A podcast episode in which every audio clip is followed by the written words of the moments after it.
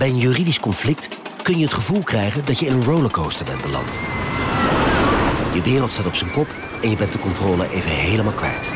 Dan is het fijn als je bent verzekerd bij ARAG. Daar werken topjuristen en advocaten die je begrijpen. Die een stap extra voor je zetten. En je het gevoel van controle teruggeven. Met kennis en informatie, met heldere uitleg en met gericht advies. ARAG, juridisch probleemoplossers.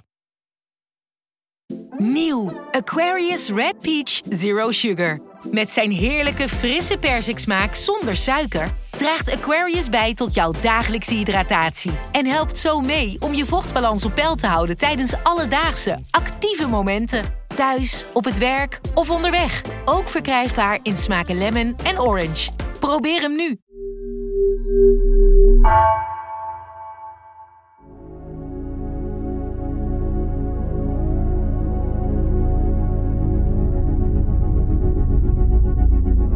Dit is Future Affairs, de NRC-podcast die je anders doet kijken naar de toekomst. Ik ben Wouter van Noord, ik ben journalist bij NRC.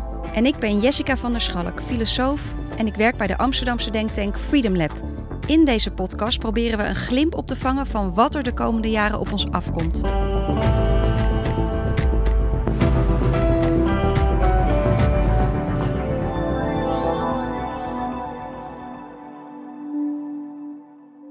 Ik zag laatst iets raars. Een beetje een science fiction-achtige astronautenhelm.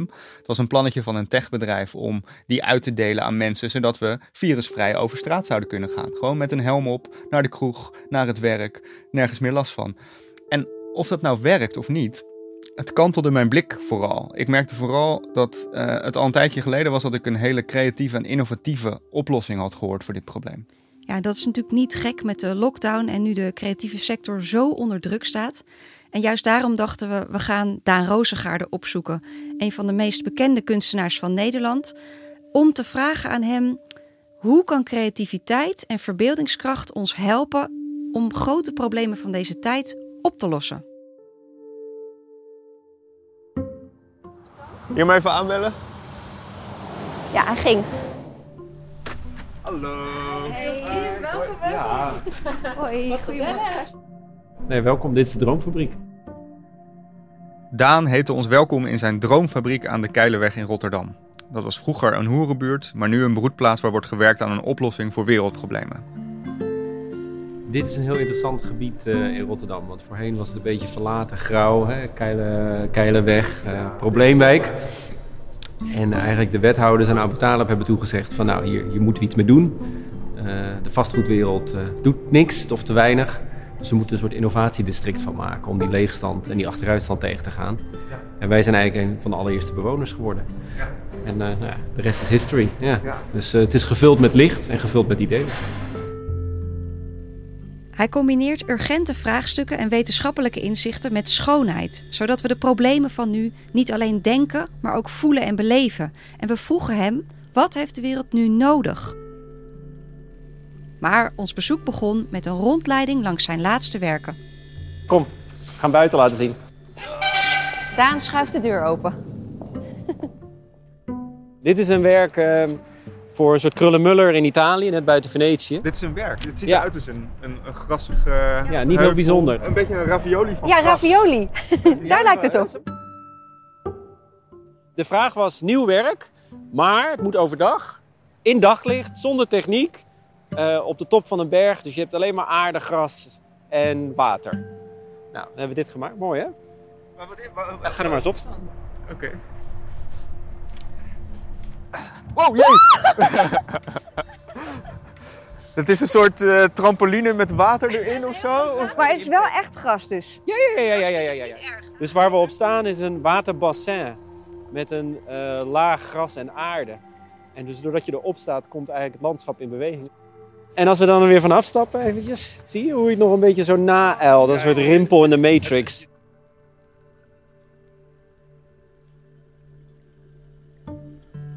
Nou, dit is wat we dus de hele dag aan het doen zijn. En we gaan snel uit de winderige kou gaan we naar binnen toe. Ik zal je gewoon dingen laten zien, toch? Vind je leuk? Zeker, ja. ja, laat, ja? leid ons maar lekker rond uh, ja. hier. Zijn we er klaar voor? gaan nu een soort, een soort tent in. Dit is niet een eh, verborgen ecstasy lab. Dit is waar we de... Zo ziet het er wel Zo ziet uit. het er wel uit. De lampen. Dus hier groeien we eigenlijk eh, ja, levend licht. 700 miljoen jaren oude micro-organismen. Doe maar uit, licht. Ja, even ogen laten donker worden. Even licht helemaal... Kijk, Oh, cool. kun je even helemaal dicht doen? Daan die doet nu zijn hand op dat water. Hier, en dat water geeft licht. Het is echt Hier prachtig. kan je op drukken. Hier. Ja, daar, ja, ja. We zien nu inderdaad door water echt kleine ja fluoriserende vonkjes. Dit is- zijn de meest lichtgevende algen van de wereld. Geloof me, want ik ben naar alle plekken geweest waar het natuurlijk voorkomt. We zijn Ja. al die kwekers hebben gepraat. En hier zijn we Oh. drie jaar lang hebben we er veel te veel tijd, geld en liefde in gestoken. Er komt een hoop licht vanaf. Wat ga je hiermee Heel doen? veel. Wat is het plan hiermee? Of ga je dat nog niet vertellen? Nou, eh, allereerst is het een installatie waarin we vloeren van musea soort van ja, hè, vol stromen. Zodat als je er overheen loopt eigenlijk ja... De, het geeft de een heel, tot- heel psychedelisch effect. Ja. Ja, het is heel en, mysterieus. en tweede is dat we dit aan het doorontwikkelen zijn als lantaarnpaal. En, dit dan, kan je... dan stop je die algen in een lantaarnpaal en dan... Nee, een flaconnetje door de trillingen van de auto's eh, geeft het licht. En, eh, weet je, hoe kunnen we... Ja. Smart City gaat niet over technologie, gaat over natuur. Dit is veel Nou, maar het is, het is zo zacht, het is, het is heel toverachtig, Ja. maar het is ook eh, zo zacht dat ik me niet kan voorstellen dat je er heel veilig in kan fietsen, bijvoorbeeld. Het, is voor wayfinding, voor eh, guidance. eh, ja. Ja, ja, om in de omgeving weet Ja? je, de, Ja? van, te kunnen zien waar je bent ongeveer. ja, Ja, ja. Kun je hem weer open doen, de rits? Ja, ja kom. Dus dit is, een, eh, dit is echt een onderzoek. En voor mij is het de toekomst. Dat je gewoon leert van natuur. En dat implementeert in een stad ja, om die natuurlijker en beter te maken. Ja. En als laatste nam Daan ons mee naar zijn laatste werk, Urban Sun. Dat is een manier waarop hij op een innovatieve manier probeert het nieuwe normaal wat draaglijker te maken. Kom verder. Deur Dankjewel. nog We een gaan- gordijn, hele we gaan nu donkere als donkere kamertjes. Heel veel rook inderdaad. Ja. En, een, en een bal met licht. Er hangt een soort planeet in de lucht. Kan jij het beschrijven, Daan, Ja, wat dit we is nou eigenlijk zien? het prototype voor Urban Sun. Dus de alle, werelds allereerste stedelijke zon. Dus je ziet eigenlijk een, eh, een beam van visueel licht. En daar, daaronder zie je een, eh, zwarte bol hangen met een eh, heel speciaal ultraviolet licht. Normaal ultraviolet licht, hè, UV, is schadelijk voor mens en dier, dat weten we. Maar deze frequentie van 222 nanometer doet dat niet. Kijk. En het, wat het ook wel doet, is virussen elimineren, inclusief corona.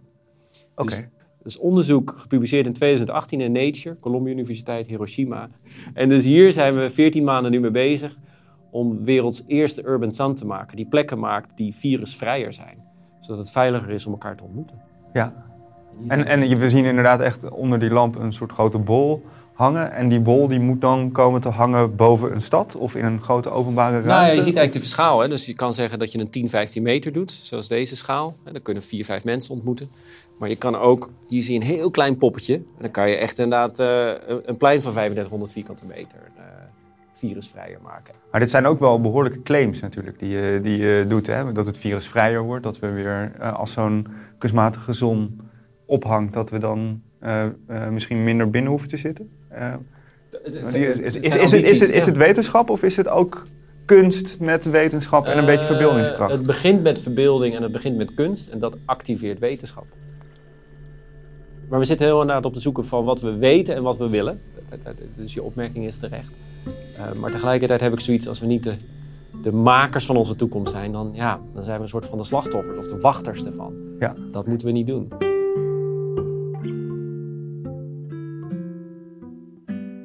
Voordat we verder gaan is het ook nog wel even, want je, je hebt ons nu heel veel laten zien. Heel veel mooie projecten en, en, en eh, jouw Je speeltuin. wil de fouten zien. Nee, helemaal niet. Nee, ik wil weten, eh, wat is het idee? Waar- waar- waarom doe je dit?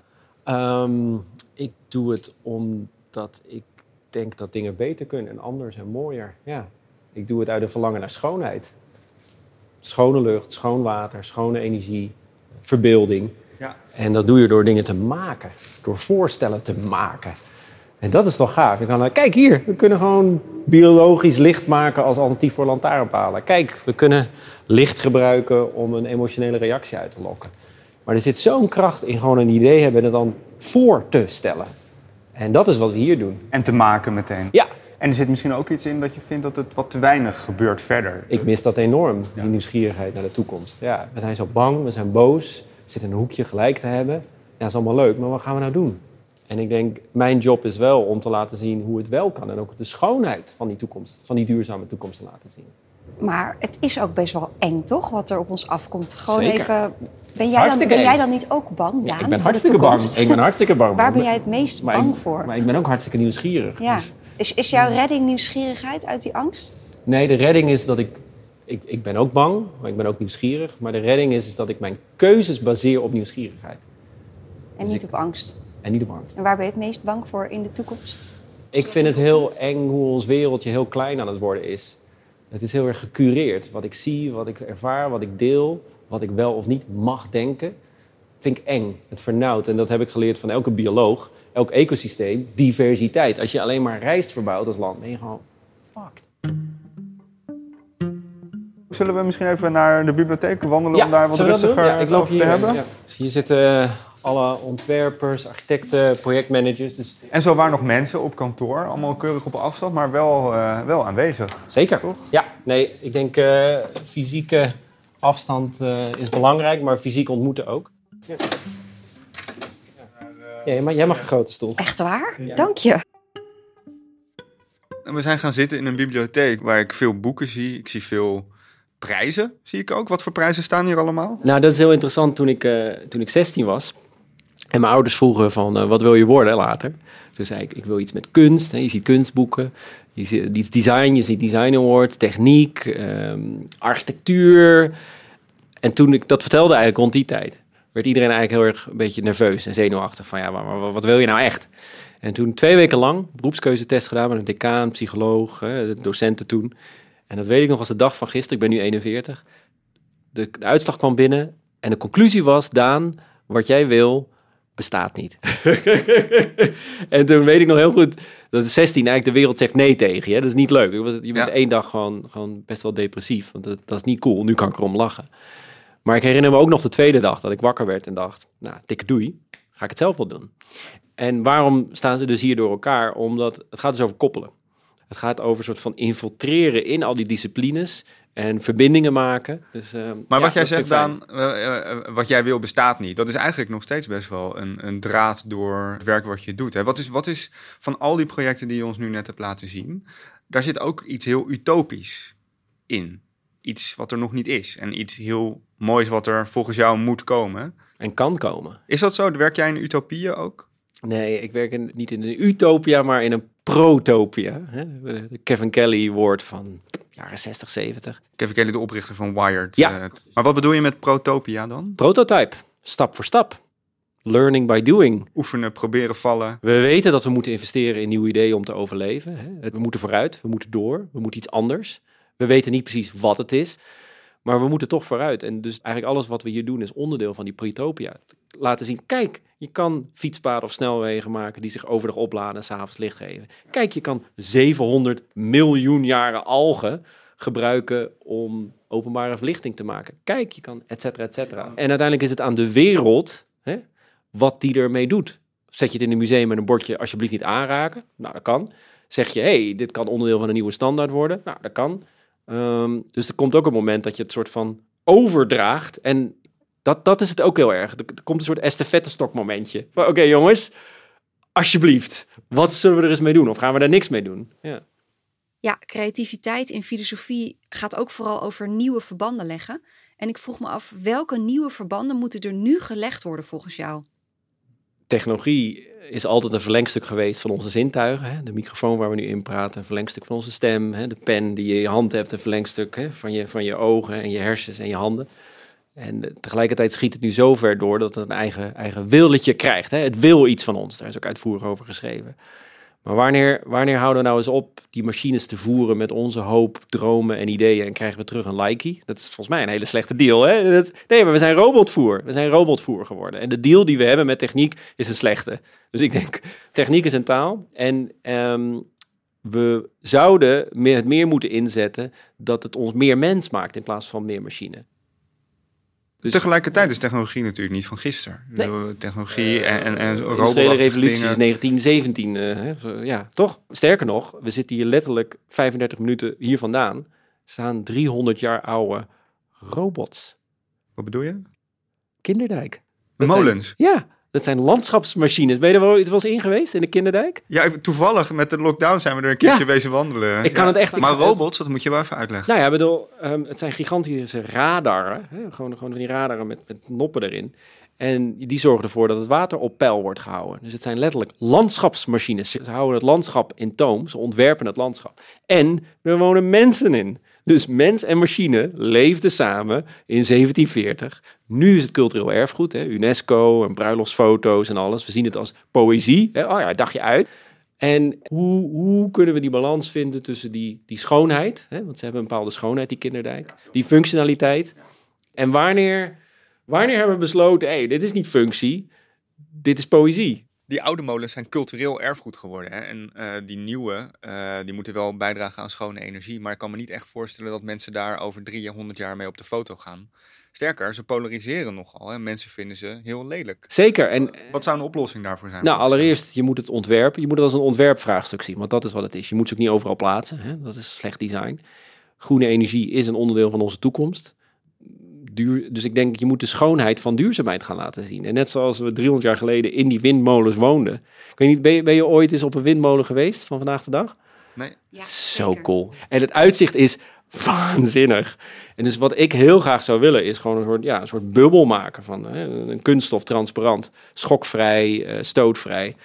En dat we het uitzicht kunnen genieten van de windmolens van nu, van de, de Kinderdijk 2.0. En ik denk door ze weer te voelen en te ervaren, door dat zichtbaar te maken, dat menselijker te maken. en- ja, en- door er een, letterlijk eh, in te zetten. bouwen. ja, en een hotelkamer of een, of een, of een, ja, of een, of een, een doelkamer, een denkkamer. Ja. Het is die ervaring die wij nodig hebben met die nieuwe technologie, met die nieuwe ontwikkelingen. We moeten ons Die- verbonden voelen. Ja, dus Ja. die verbondenheid probeer jij door ervaring weer terug te brengen, zodat er ook inderdaad acceptatie en bereidheid komt voor die nieuwe Dat ontwikkelingen. is het mooie van schoonheid. Je ziet iets, je snapt het niet, maar je wil het. Een leuk meisje of jongen aan de andere kant van de discotheek. En je, wat is haar naam? Waar studeert ze? Hoe heet het? Alles wordt opeens interessant. Dat is ook heel raar. Waarom wil ik het allemaal weten? Het eigenlijk heel suf. Nee, dat is het niet. En dus als ik dingen kan maken die die nieuwsgierigheid triggeren. Hè, en schoonheid is daar een heel sterk vehicle in. Ik denk dat is wel de manier, de creatieve manier om die uitdagingen waar we middenin zitten te overkomen. Het huidig lineair denken gaat ons niet redden. Ja, dus feiten komen natuurlijk van de wetenschap, maar je zegt eigenlijk hier: schoonheid is wat ons aantrekt, is wat onze betrokkenheid eh, losmaakt. En dat hebben we nodig om juist die acceptatie eh, teweeg te brengen in de maatschappij als we dat soort nieuwe projecten introduceren. Dus je wil een soort perspectiefwissel bereiken door de mensen de schoonheid van techniek te laten zien, zodat mensen die accepteren. Ehm, je hebt laatst ook een ander kunstwerk gelanceerd, Grow, waarbij je letterlijk een ander licht werpt op de landbouw. Probeer je daarmee een beetje hetzelfde te doen? Absoluut. CEO Rabobank, Wiebe Draaier, kwam naar me toe en die vroeg... wil je met mij eens nadenken over voedselproblematiek in de breedste zin van het woord? Voorheen hadden ze een kunstcollectie, hè, ze een sculptuur of schilderij. En toen Wiebe kwam, zei eigenlijk de kunstcommissie... willen wat anders. We willen een gesprek met een levende kunstenaar. Het is een enorme discussie over de agrarie, de banken, de politiek, CO2. Het is verhard. Hè? Iedereen heeft gelijk. Maar tegelijkertijd denk ik, op het moment dat je de schoonheid kan laten zien van die plekken, creëer een opening, creëer verbeelding, om weer eens te gaan nadenken, ja, maar hoe willen we nou dat die toekomst eruit gaat zien? En, en ja, iedereen heeft gelijk, niemand heeft gelijk, maar ja, wa- wa- wa- wat dan wel? En voor mij als een cityboy, die letterlijk toen ik eraan begon, anderhalf jaar geleden, niet het verschil tussen een broccoli en een wortel kon zien als het onder de grond zit. Ehm, ja, het was zo fascinerend om als een soort infiltrator in dat landschap te duiken en in dat gesprek. Ja. En toen, wat heb je toen gedaan? Eh, het, het raakte me gewoon. Van, ook omdat ik ben een cityboy, hè, dus die landschappen die ons voeden, weet ik veel. En die zijn we dus gaan bezoeken. Die, die gigagebieden, 20, 30, 50.000 vierkante meter. In Gelderland, in uh, Overijssel. Ja, in- ja, Lelystad, Ja. prei. En dat is grow geworden. 20.000 vierkante meter preilandschap. Ehm, in al die gesprekken met Wageningen Universiteit, Biolumic, dat zijn echt de, de fotobiologen, kwamen de term lichtrecepten tegen. Wat is een lichtrecept? Dat is eigenlijk ja, een vormgegeven licht wat iets goeds doet voor de plant. Dat kennen we natuurlijk al van de tuinbouwkassen. Hè? Dus rood en blauw licht helpt planten beter te groeien. Maar bijvoorbeeld ultraviolet licht activeert defensiesysteem van de plant, waardoor pesticiden kan worden gereduceerd, zelfs tot 50%. En daar zijn we mee gaan ontwerpen. En dat is Grow geworden. Dus een landschap van licht, schoonheid van agri, maar tegelijkertijd een platform om die plant en die agri beter te maken. En wat zien we daar als we in dat preiveld lopen, als, als de zon eh, nog net niet op is? Wat, wat, wat zien we dan? We zien een wijd landschap. We zien een landschap wat ons voedt, letterlijk. En we zien prei, biologische prei. Wordt er babyvoeding van gemaakt in april. En we zien, als de zon ondergaat, neemt eigenlijk het licht van Grow het landschap over. Het, het, is een continuatie van de zon. En je ziet blauw en rood licht, wat de plant beter kan helpen te groeien. Je ziet, of je ziet het eigenlijk niet, maar het is er, een ultraviolet licht, wat het uh, afweersysteem van de plant kan activeren om pesticiden te reduceren. Maar bovenal zie je het licht soort van dansen, omdat het gaat omhoog en omlaag. Dus dat het licht overal hè, zoveel mogelijk op dezelfde, in dezelfde intensiteit op de planten valt. Ik denk bovenal gaat het over ja, de schoonheid laten zien van de landschappen die ons voeden.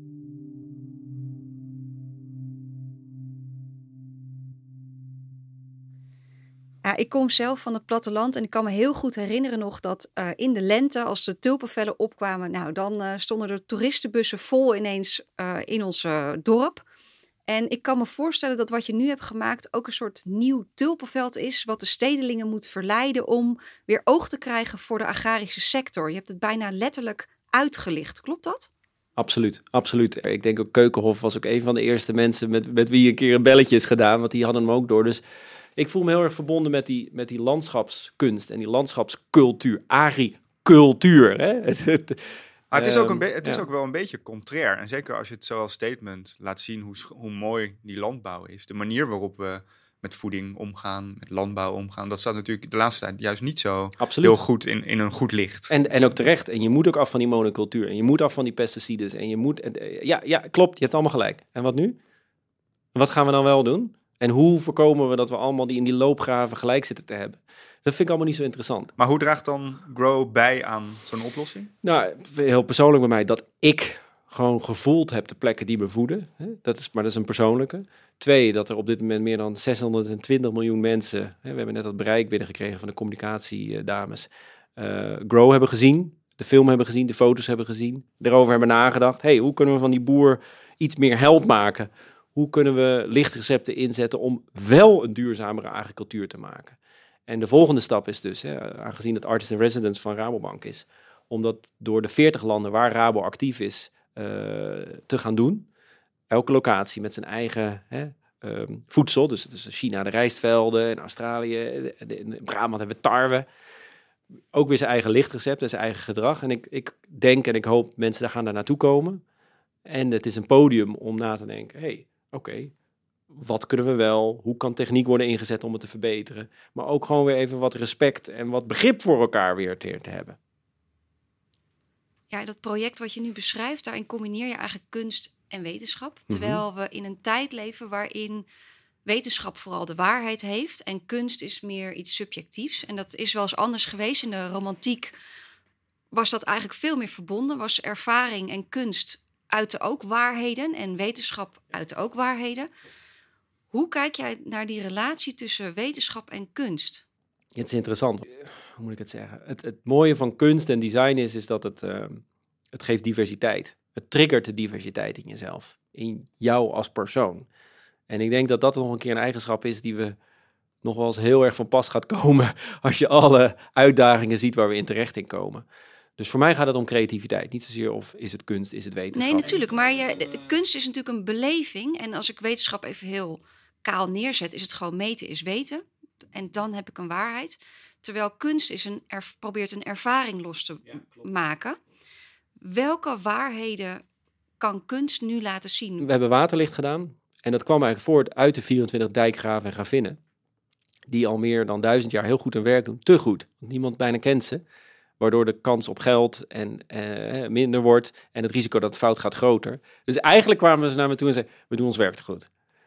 help ons waterbewustzijn te creëren. En toen hebben we eigenlijk door middel van leds en lenzen laten zien hoe hoog het water zou komen. Eigenlijk als zij gewoon een jaar lang niet de telefoon opnemen, met vakantie, allemaal naar Bali, doei, weet je wel. Dit gaat het fout. En we veranderen niet door cijfers. Het is heel interessant.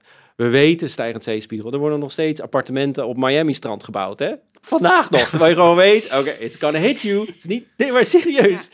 En ehm, door het in een ervaring te trekken, door te laten zien, dit is onze realiteit. Het is een beetje bang, maar het triggert je ook na te denken. Moeten we drijvende steden bouwen? Kunnen we energie opwekken uit het getijdenverschil? Dus we veranderen niet door cijfers, we veranderen door een ervaring. En dat kan een platform zijn om wetenschap die het probleem kunnen oplossen, te versnellen. Dus kunst is mijn activator. Daarvoor. Precies, dus, dus kunst moet ons de ervaring bieden. Nou, kunst moet niks. Nou ja, eh, hopelijk zal kunst ons de ervaring bieden om te voelen wat er speelt en niet alleen te weten wat er speelt. Ja, dit is Simon Sinek. Er is een gedeelte in je hersens waar je beslissingen maakt wat niet gevoelig is voor cijfers. Dat is wat hij vertelt. Ja, en dan ook misschien een beetje een zorgelijke vraag. Op dit moment staat de culturele sector enorm onder druk. Dus we komen veel minder in aanraking met kunst, die ons de ervaring biedt om te voelen wat er speelt. Hoe, wat is het grootste gevaar wat ons nu dreigt, nu die culturele sector zo uh, onder druk staat eigenlijk? Ja, dat je, je je weerbaarheid vermindert. Je moet, dat moet je wel, getriggerd worden op verschillende manieren. Maar dat hoe, is wat cultuur Wat bedoel je dan precies met weerbaarheid? En Nou, door je te triggeren op verschillende manieren, door andere dingen te ervaren, te beleven, te bevragen, blijf je je hersens op een bepaalde manier in beweging houden. Dan ontstaan er ontsnappingsroutes uit de shit. Ja, ja, en heb je een soort weerbaarheid van als er iets anders gebeurt, dat je daarop kan reageren. En op het moment dat je te veel in een bevestigingsrol zit, waarin dezelfde mensen met dezelfde gedachten en dezelfde ideeën, gaat die weerbaarheid eruit. Dus cultuur gaat voor mij over die diversiteit en die weerbaarheid triggeren. Uh, de, wat, er staat meer op het spel eigenlijk dan met die culturele sector die nu het heel zwaar heeft. Dan alleen maar dat we lekker vermaak hebben naar de bioscoop kunnen. Onze weerbaarheid staat eigenlijk op het spel nu die culturele sector het zo zwaar het is een, heeft. Het is een complete verschraling van ons mens zijn. Laat ik hem zo maar gewoon even zeggen. En, en ik, ik voel het zelf ook. Ik voel ook dat ik kleiner ga denken. Dat ik mezelf ga inperken. En that's crazy. Um, dus het is niet decoratie. Het is onderdeel van ons vormen en ons hervormen. En cultuur in de breedste zin van het woord. Hè. Dan heb ik het over Dutch Design Week tot aan uh, Schouwburg, tot, uh, tot aan de maker hier naast me die van afvalhout nieuwe meubels maakt. Even de, de, de volledige Kortom, alles wat nu dicht is eigenlijk. Alles wat nu dicht is. En, en er, een van de drijfveren van die urban sun, van die stedelijke zon, komt daaruit voort dat als we niet de makers van onze toekomst zijn, zijn we de slachtoffers ervan. En ik mis de rol van de cultuursector enorm in hoe we nu praten over onze toekomst. wordt bepaald door politici en medici. Dat is ook goed. Hè? We moeten vechten tegen het virus, absoluut. Maar we moeten ook leren leven met. Hè? Of, of ons daartoe verhouden. En ik, ja, ik vind dat die cultuursector daar ook een, een, een stoel aan, aan, aan, aan die tafel, aan die vergadertafel. Maar jij ziet die kunst dus ook heel erg als een, als een verbinding met de echte wereld. Met echt weerbaarder worden. Met echt uh, vooruit komen. Uh, jij zit ook in allerlei uh, netwerken en uh, je bent wereldwijd actief, zit in het World Economic Forum. Is dat ook om van die kunst te gaan naar echte impact, naar dat je met die kunst ook de wereld verandert? Ja, maar dat gebeurt vanzelf. Elk, oh ja. idee, elk idee, vroeg of laat, wordt onderdeel van onze standaard. Het begint haute couture, de 30.000 euro, Iris van Herpen, jurk, een catwalk, Parijs. Oh, en uiteindelijk de kennis en het statement wat daar wordt gemaakt en het platform wat wordt gecreëerd, hè, eindigt in het, in het 5 euro t-shirtje wat ik nu draag. Maar zijpelt dat wel echt door? Ook niet alleen maar het werk van Iris van Herpen, maar ook jouw eigen werk, verbeeldingskracht en uh, het, het uh, opnieuw waarderen van natuur, technologie, landschappen. Nou, nog te weinig. Ik zou wel meer willen doen. Ik zou eigenlijk willen dat we dit gesprek met mijn kleinkinderen over 40, ik heb nog geen kinderen, maar over 40 jaar voeren. En dat ze dan zeggen van, uh, ja, opa, wat deed jij toen je nog jong was? En uh, nou ja, ik bouwde de grootste smokstofzuiger van de wereld, die vieze lucht opzoog en dan fijnstof en dan schone lucht maken. En dat dat kind dan vraagt, wat, wat is fijnstof? Dat is gewoon, gewoon totaal geen... Gewoon, ja, is toch heel normaal, schone lucht? Wat, wat doe je nou moeilijk? Of je natuurlijk geen fietspalen licht. Ga je de hele tijd lantaarnpalen aan laten staan in de nacht als er niemand er is? Dat is echt heel ja, stom. Dus je probeert echt die patronen te doorbreken dus, waar en, we in en denken. wat heel grappig is, ik pak het er even bij. Oh ja, hier. Daan pakt een boek uit de kast. Ja, dit is heel cool. Dit is ons opgestuurd. Dus uh, Stoere Steffi op bezoek bij Van Gogh. Dus dit is een boek over Van Gogh. Een kinderboek. Een kinderboek. En op pagina 2 bezoeken ze ons Van Gogh fietspad. Dat is een, uh, jij hebt een lichtgevend fietspad gemaakt ook. Ja, uh, ja dit is in Nune, bij Eindhoven, oh, ja. permanent te zien. Uh, 125 jaar bestaan van Van Gogh. En dus opeens worden we onderdeel van educatie. Opeens worden we onderdeel van cultuur. En het grappige was, een van de ouders zei dat ook. Die zei, ik moet je de volgende dag even bellen. Ik was daarvoor voor een lezing. En ze had Van Gogh pad s'avonds gezien. En de volgende ochtend, volgende avond liepen ze gewoon bij hun thuis over het fietspad. En dat kind, dat, gaf zo een duwtje tegen mama. En dat wees naar een voor ons normaal, maar oud fietspad. En zei, hé hey mama, deze doet het niet. deze geeft geen licht. Dus onze wereld is muted. Hè? Onze wereld is, is passief. Ja. En onze wereld gaat actief worden, maar interactief. Jij, jij, jij, zit tegelijkertijd ook op plekken die, die verder gaan dan uh, een kinderboek. Jij zit, jij zit bij de grote vergaderingen van de wereld in, uh, in Davos. Ja, maar ik, ik, ik, ik, vind Davos en NASA vind ik gaaf. Maar ik vind zo'n kinderboek wat we als cadeautje krijgen opgestuurd ook net zo gaaf. Oh ja? Oh ja, oh ja, oh ja. Hoe, ja, je, hoe, hoe, ben, hoe kijk je naar letterlijk naast elkaar. Ik ben er net zo trots op. Oh, hoe kijk je naar het verschil in impact dan? Want uh, aan, mm. dit is heel tastbaar, maar zeker als je in Davos kijkt, waar jij veel komt. Zeker. Uh, ik ben ook een paar keer geweest. Ja. Het, is, het, zijn, het is een hele interessante vergadering van, van interessante mensen. Maar er is ook altijd veel kritiek op. Wat het is gebeurt vooral, er nou echt? Vooral gelul en mooie ideeën. En verder gebeurt er niet zoveel mee. Hoe, Mhm. mm -hmm. hoe kijk jij naar die kritiek op die groep mensen waar jij ook soms onderdeel van bent? Nou ja, er kan altijd meer en er moet ook meer. En ik vind dat ik ook meer moet doen. Dus daar ben ik het mee eens. Um, tegelijkertijd moet je ook een plek creëren waarin mensen zich veilig voelen. Waarin mensen durven te overleggen. En dat Davos is één van die plekken. Maar goed, er zijn ook plekken af en toe in Rotterdam die dat hebben. Um, hoe moet ik het zeggen? Ik zou wel meer willen doen. Wat trof je daar aan toen je daar voor het eerst kwam? Wat, wat, wat ik daar verbaasde aantrof is dat je niet dat je dat je denkt, ik kijk naar het plafond, maar je kijkt niet naar het plafond, je kijkt naar het begin van de dakterras. Dus het, het- hoe moet ik het zeggen? Dus, en, en, en je hebt de mogelijkheid om te sparren en even zonder.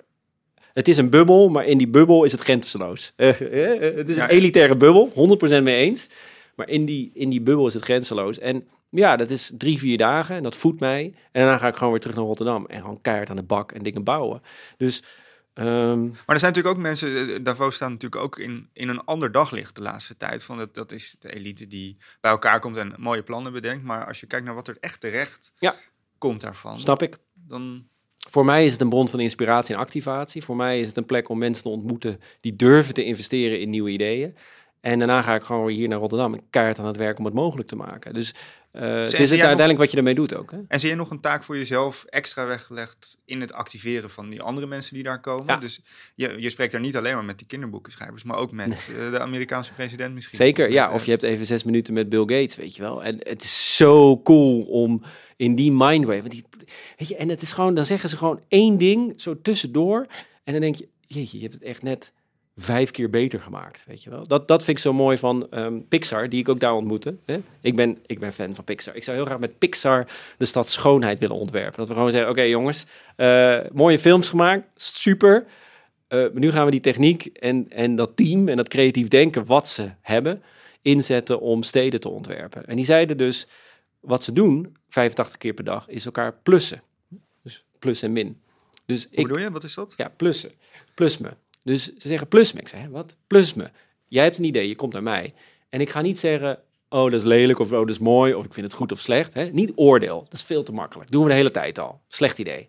Maar plus het vanuit jouw perspectief, Wouter, als schrijver, als NRC, als podcast, als mens, probeer het beter te maken. Iets erop zetten. Ja, te plussen. toevoegen. En dan doen ze dus 85 keer per dag. 2 miljoen keer in die twee, drie jaar. En daardoor zijn die films zo bloody goed. Oké, dus bij, bij Pixar maken ze dingen nog mooier door te plussen, door erop voor te bouwen, meer ervan te maken. Jij zei net zelf ook, ik wil eigenlijk meer impact hebben. Maar hoe ziet dat meer impact voor jou er dan uit? Als ik, mag, ik even, mag ik even een lang antwoord? Oké. ehm. welk gebouw in de wereld heeft een gat in het dak? Pantheon. Yes. Jij en ik. Wij met z'n drieën, zijn architecten. 2000 jaar geleden. En we gaan naar de meest presti- We gaan naar de Brad Pitt van toen. Hè? De katholieke, hè? gewoon de, de master of all masters. En we denken, oké, beste opdrachtgever. Wij gaan een gebouw maken. En dat gaat een hele hoop tijd en geld en energie kosten. Mensen gaan dood terwijl ze het bouwen waarschijnlijk. We weten niet precies wanneer het afkomt. En we gaan een gat in het dak maken. En zeer waarschijnlijk heeft, had die commissie toen gezegd... Je bent gek. Het gaat regenen, de vogelpoep, de duivenpoep komt naar binnen. Ah, ah. En toen zeiden ze, nee, nee, nee, nee, nee, nee, nee, We gaan het niet afdekken. We gaan geen stukje glas erin doen. Dat bestond nog niet, maar hè, we gaan het niet afdekken. We houden het, want het is het licht van God. Sterker nog, het is het licht van alle goden. En ergens hebben ze op een of andere manier het verhaal zo verteld dat iemand ja heeft gezegd. En als ik een tijdmachine zou hebben, zou ik niet naar de toekomst gaan, maar zou ik teruggaan naar de klantpresentatie van het Pantheon. Wat vertelden ze? En, ze? en het bestaat nog steeds. En elke drie maanden ga ik terug naar Rome en eet ik een shitty lasagne op dat pleintje daarvoor. En ik kijk naar het Pantheon. En het licht wat binnenvalt is altijd anders. Het vult de ruimte. En ze hebben acht gaatjes in de marmeren vloer geboord, zodat het regenwater gewoon naar beneden gaat. En die vogelpoep valt ook reuze mee. Het is een radicaal idee, wat zo makkelijk niet was uitgevoerd. Maar ze hebben het wel gedaan. Dus je hebt Pantheon 2000 jaar geleden. Dan gaan we 300 jaar geleden. Kinderdijk. Hè? Landschapsmachines. Robots waar we in leefden om ons landschap te maken. Wat nu onze cultuur is. Dan heb je Pixar. Hè? Slechte ideeën. Over ratten die kunnen koken in Parijs. Oh, dat doen we even normaal man. Maar het inspireert ons tot aan dit jaar. Uh, een van de meest inspirerende dingen die ik vond was um, musea die wel reageerden en niet wachten op overheidsgeld. Uh, Boymans, hè, die een drive-in cinema ging doen uh, in de Ahoy met elektrische autootjes, dat je geen vervuiling hebt. Dus het, het herbeleven van de collectie op een corona-veilige manier. Een crisis, kan ik zeggen, inzetten of gebruiken om een andere manier van uh, kunst te ervaren naar Grow, die, die wij dit jaar hebben, uh, net hebben gelanceerd. Dus ik zeg, zeg, niet dat het allemaal even goed is en dat ik in die lijn sta, et cetera. Maar ik voel me onderdeel van die landschapstraditie. En ik voel me onderdeel van dat omdenken en dat kantelen. Dus wat je met dit voorbeeld probeert te laten zien, is dat kunst en cultuur altijd een belangrijke bron zijn geweest en ook moeten blijven om ons weg van mogelijkheden te wijzen. En juist in tijden van crisis en beperkingen echt een belangrijke rol spelen. Absoluut. Als kunstenaar heb je natuurlijk veel ideeën die onwijs out of the box zijn. En je probeert dan natuurlijk een brug te slaan naar de maatschappij. Maar wij willen nu eigenlijk van je horen: heb jij een idee wat nog behoorlijk out of the box is en waar je nog geen brug voor hebt geslagen? Um, vieren. We moeten samen vieren, collectief vieren. Weg uit die Zoom-bubbel. Ik denk dat het heel belangrijk is dat we samen weer dingen gaan ervaren. En oud en nieuw was oorspronkelijk ook dat idee. Is totaal verketterd door kruid, rare drones en weet je wel, het, gewoon, het klopt niet meer. En dus we schaffen al, alles af, alles, alles af, maar dat is het ook niet. Nederland steekt 77 miljoen euro in vuurwerk elk jaar, Dubai 8,2 miljoen US dollar. Dus ik zou bijvoorbeeld heel graag realiseren dat er is al licht elke avond, namelijk de sterren. 300.000 kilometer per seconde raast dat naar ons toe. Hè? Dat is niet decoratie, dat is informatie. Waarschijnlijk is het een soort morsecode van de aliens die ons vertellen: hallo. Maar goed, dat ontcijfert pas over 30 jaar, maar daar gaat het niet om. Wat ik heel graag zou willen is op oud en nieuw. Ergens is een man in een kamer met een knop. En als hij die knop indrukt, gaan alle lichten in Rotterdam uit. En in Amsterdam alsjeblieft ook. En in Amsterdam. En ik wil het mobiel nummer van die man. Ik denk dat het een man is. Ik denk niet dat het een vrouw is. Maar ik denk dat het een man is. En dan kunnen we gewoon in het donker samen de sterren zien. En dat is ons nieuwe oud en nieuw. Het vieren van de duisternaars. Het vieren van het licht. Ja, minder. In het donker. In het licht. in, het, in het licht van de sterren.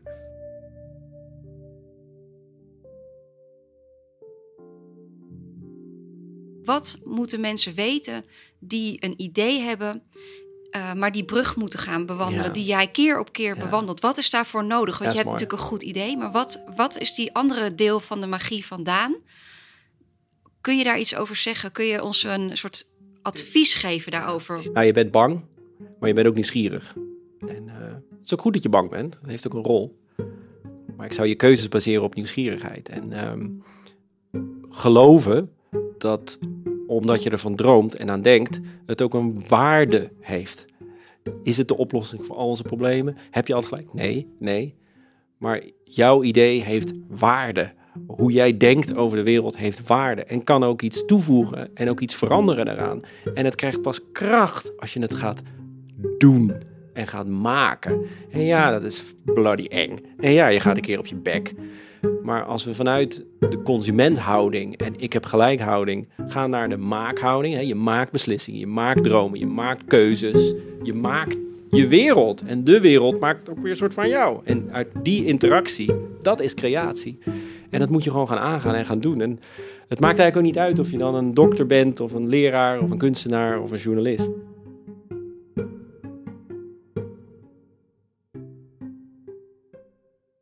Dus wat je zegt, eigenlijk ook als huiswerk voor ons, is wat meer durven. Ja, Uh, niet gelijk oordelen. maken. Gewoon even, even je bek dicht houden en luisteren. Zo, Nederland gelijk oordelen. Nee, ik vind dit. Dude, neem even een chillpil. Tel eens tot tien. En luister gewoon eens. Gewoon, moet je gewoon eens voor de gein eens even proberen. Ook, eh, dat zeg ik ook tegen mezelf, hè. Gewoon, laten we dat, misschien moeten we gewoon eens de chillpildag gaan eh, doen. eh, derde kerstdag, ja. Laten we dat doen. Vind ik een heel mooie opmerking. Leren luisteren hartstikke- ik ben er ook niet en heel goed minder in, oordelen Ja. om Ja. creativiteit Ja, en, en dat is ter afsluiting. Ik zit veel in, in juries hè, voor architectuur, design, innovatie.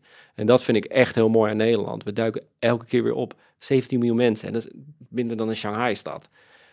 We zijn zo goed in dat creatief denken. Het is echt ons kapitaal. Maar we moeten er denk ik meer in investeren. We moeten er trots op zijn. We moeten dit gaan vieren. Zijn we ook niet goed in. Vinden we ook hartstikke eng. Daarin zit onze vooruitgang. En hoe meer we ons dat realiseren, hoe, hoe leuker en plezanter het ook wordt. We zijn zo bang vandaag. We zijn zo boos met z'n allen. Ik, heb ook rondgelopen in Rotterdam deze dagen. Ik had ook een helikopter met een zoeklicht naast mijn appartement. Je denkt van, zo, dat gaat, eh, gaat hard. Dat is George Orwell, right there. Dus als ik een steentje in het water kan gooien, met wat rimpeltjes kan creëren en dat we daar samen op gaan surfen, nou, gaan we eens kijken waar ons dat brengt. Werk aan de winkel. Dankjewel Dan. Genoeg gepraat. Zullen we weer gaan maken?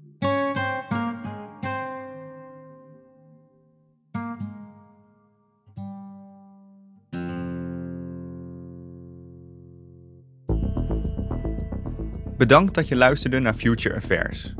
Wil je horen hoe andere pioniers en toponderzoekers denken over onze toekomst? Dan kun je nog veel meer afleveringen vinden in de gratis NRC Audio app of via nrc.nl/slash podcast Future Affairs. Je vindt daar iedere twee weken een aflevering die je anders doet kijken naar de toekomst. Deze aflevering is gemaakt door Henk Ruigrok van de Werven, Ruben Pest. Chef audioredactie is Anne Moraal en de muziek is van Rufus van Baardwijk.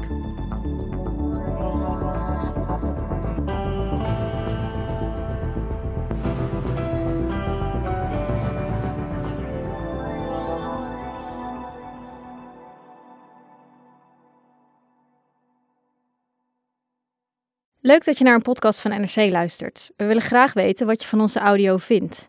Je helpt ons enorm door via nrc.nl slash podcastonderzoek een vragenlijst in te vullen. Dankjewel.